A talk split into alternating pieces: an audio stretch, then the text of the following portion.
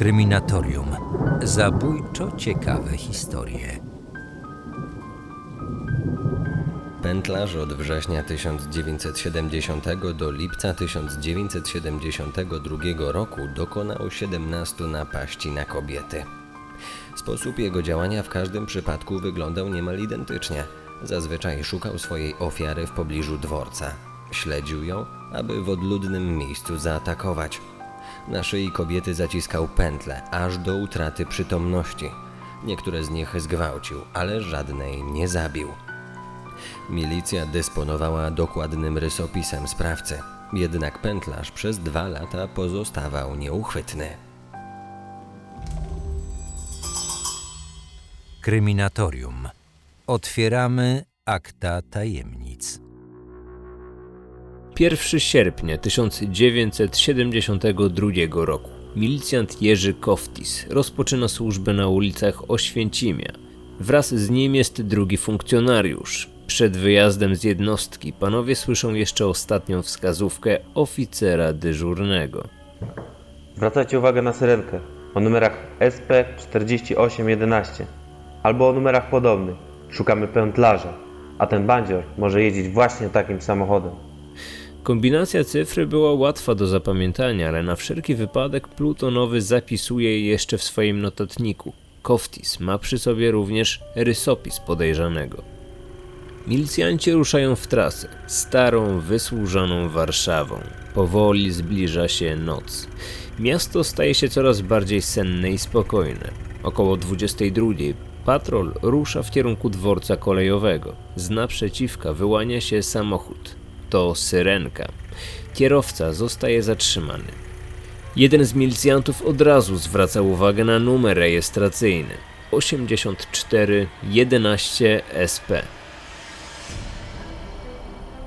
Nieco różni się od numeru, który poszukują.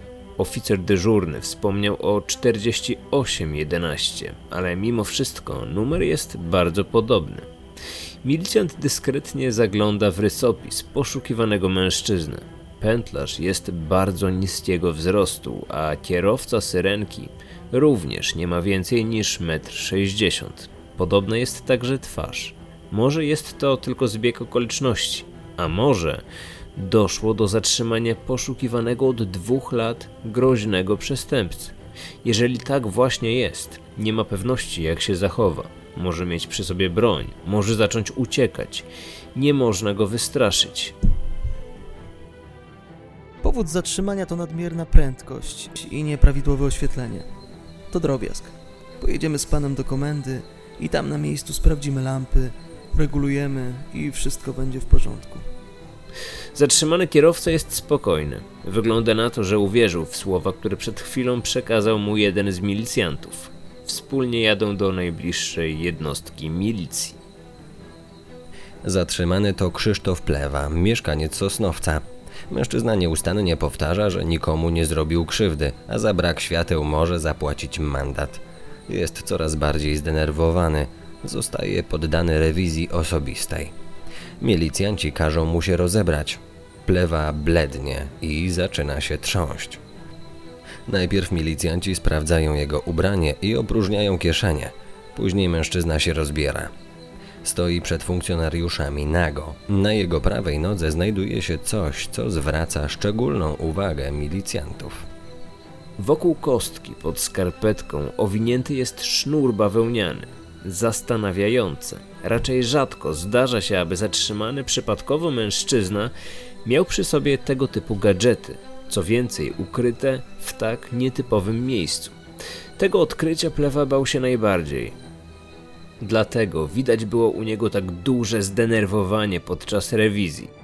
Mężczyzna czuje, że musi się z tego jakoś wytłumaczyć. Najpierw opowiadał, że wybierał się do teściów. Później przekonywał, że celem podróży był zakup jarzyn, którymi handluje w Sosnowcu. Jednak jak wytłumaczyć ukryty pod spodniami sznur? Dobrze. Powiem wam prawdę. Jechałem do kobiety, którą kocham. Bo chciałem zobaczyć ją ostatni raz, a potem odebrać sobie życie. Chciałem się powiesić na tym sznurze. Ukryłem to przed żoną, bo gdyby wiedziała, że wychodzę z tym z domu, na pewno zaczęłaby coś podejrzewać. Sznur miał zaledwie 80 cm. To zbyt mało, aby się powiesić. Ale 80 cm wystarczy, aby poddusić dziewczynę w taki sposób, w jaki 17 razy robił to pętlarz. O zatrzymaniu podejrzanego powiadomiono komendę wojewódzką milicji. Grupa śledcza, która od dwóch lat próbowała wytropić pętlarza, przystąpiła do działania. Pracę rozpoczęto od przeszukania mieszkania Krzysztofa Plewy. Tam znaleziono wiele ciekawych przedmiotów.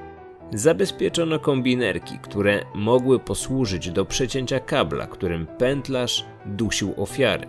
Znaleziono także parasolkę, która mogła być łupem podczas jednego z napadów.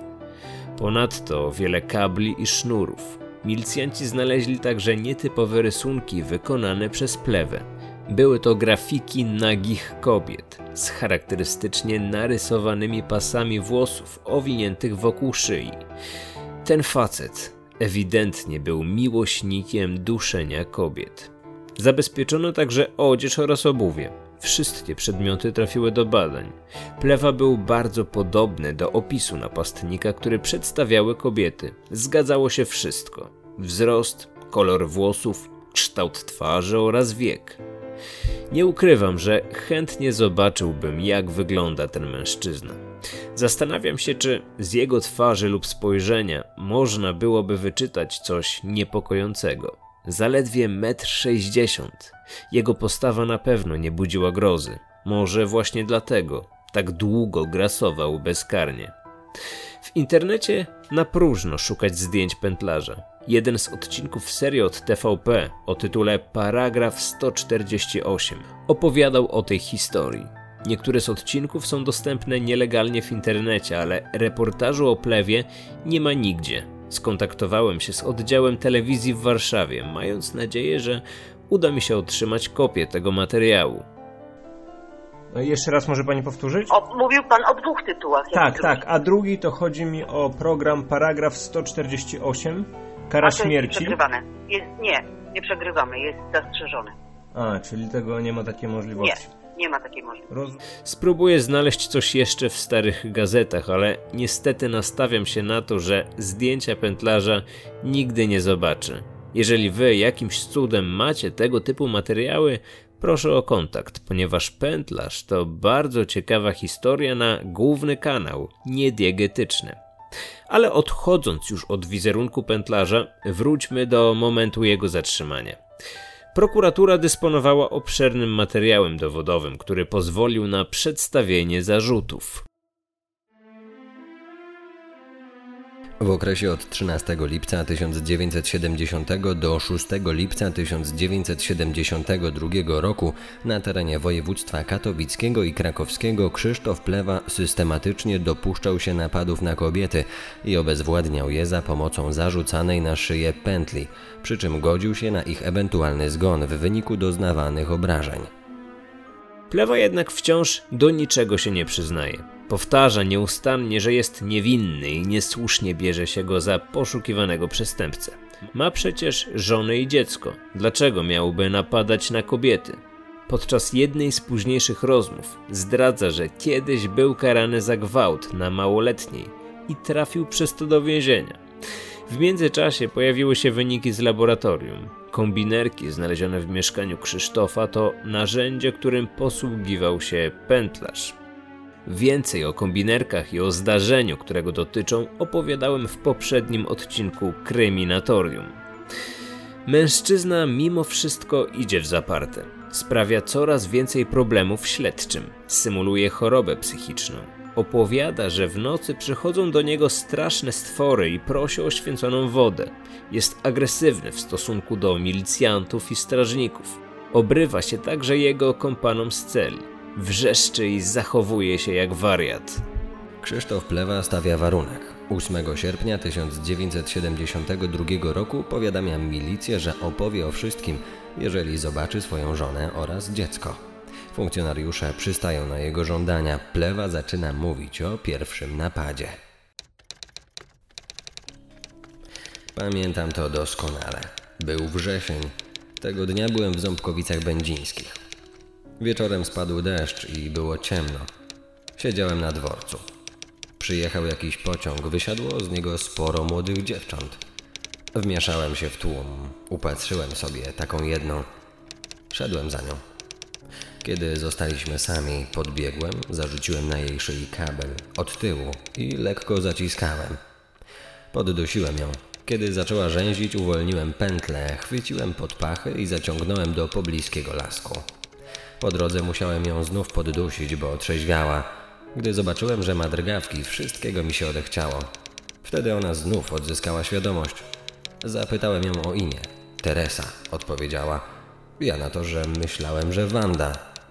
Potem kazałem jej zamknąć oczy i liczyć do dwudziestu. Powiedziałem, że jak skończy liczyć, może otworzyć oczy i wstać. Gdy ona liczyła, ja uciekłem na dworzec. 8, 9, 10, 11, 12, 13, 14, 15, 16, 17. Od tego czasu Plewa przyznawał się do każdego z 17 napadów. Twierdził jednak, że nie chciał zabić żadnej z kobiet. Miałem gwarancję, że żadnej z kobiet nie zabiję, bo miałem przepracowaną metodę działania. Wypróbowałem ją na sobie jeszcze w młodości. Chciałem się wtedy powiesić. Zrobiłem pętlę i włożyłem w nią głowę. Skoczyłem, ale pętla się urwała, a ja straciłem przytomność.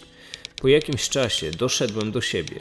Było znów zwyczajnie i nic mi nie było. Krzysztof współpracował z milicją.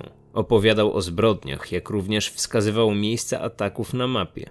A podczas wizji lokalnych uzupełniał swoje wyjaśnienia. Co ciekawe, podczas jego napadów milicjanci rozmawiali z jego żoną. Pytali o alibi męża, zastanawiając się, czy może być poszukiwanym pętlarzem. Żyjemy zgodnie. Mój mąż jest bardzo dobrym człowiekiem. Nigdzie się nie wałęsa, nie pije i jest spokojny. Jeszcze ani razu mnie nie uderzył i nie pozwala bić dziecka. Nie wychodzi na spacery, lubi życie domowe. Zdarza się, że przychodzi później, ale jak tylko zostawi samochód w bazie, to zaraz wraca do domu. Warto powiedzieć kilka słów o jego przeszłości. Krzysztof pochodził z biednej rodziny, która nie cieszyła się dobrą opinią. Miał pięcioro rodzeństwa. Ojciec był alkoholikiem. Dzieci były zaniedbane, wiele czasu spędzały na ulicy. Kradły i również zaczynały przygodę z alkoholem już od najmłodszych lat. W końcu cała szóstka trafiła do domu dziecka. Tam plewa skończył szkołę podstawową. Trafił do wojska, ale szybko z niego wyszedł. Założył rodzinę. Urodził mu się syn.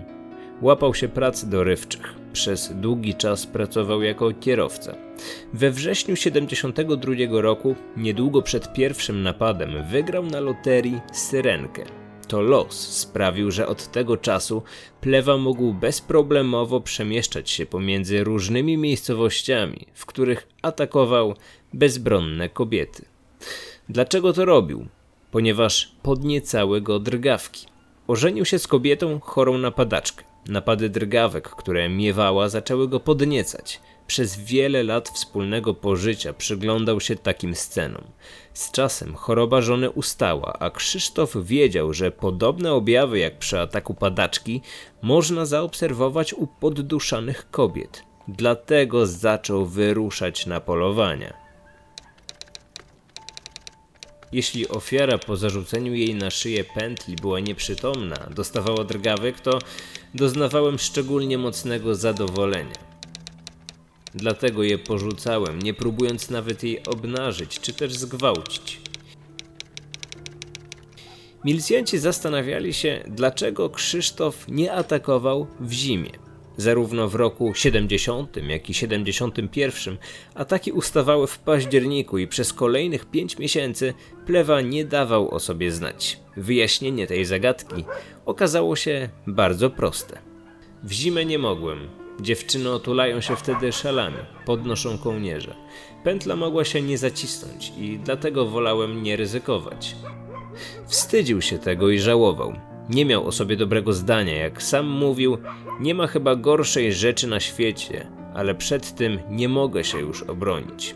Po wszystkim czułem zawsze obrzydzenie do samego siebie i tak sobie myślałem: Boże, czemu nie spowodujesz mojej śmierci, żebym ja te dziewczyny nie męczył, bo i tak z tego nie mam żadnej przyjemności. Ani ona, ani ja, ale tylko jeszcze męczę tę kobietę.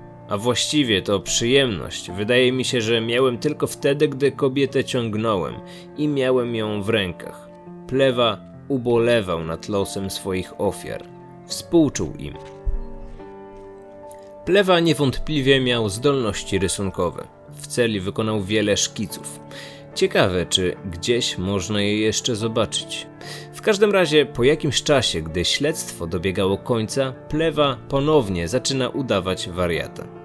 I osiągnął swój cel, ponieważ został poddany badaniom psychiatrycznym. Biegli orzekli, że miał ograniczoną w stopniu znacznym zdolność pokierowania swoim postępowaniem przed rozpoczęciem procesu odwołuje swoje zeznania, ale dowodów jest tak dużo, że nie jest to potrzebne do skazania. Po koszmarnym i wyczerpującym szczególnie dla ofiar procesie zapadł wyrok. Sąd wojewódzki uznając Krzysztofa Plewę winnego wszystkich zarzucanych mu przestępstw, skazał go na 25 lat pozbawienia wolności. Z wyrokiem tym nie zgodził się prokurator, który żądał dla Plewy kary śmierci. Obrona zaś wnosiła o uniewinnienie, zważywszy na stan jego zdrowia psychicznego. Jednak sprawa nie trafiła do Sądu Najwyższego. Krzysztof Plewa zmarł 5 września 1975 roku podczas odbywania kary w zakładzie karnym w Strzelcach Opolskich.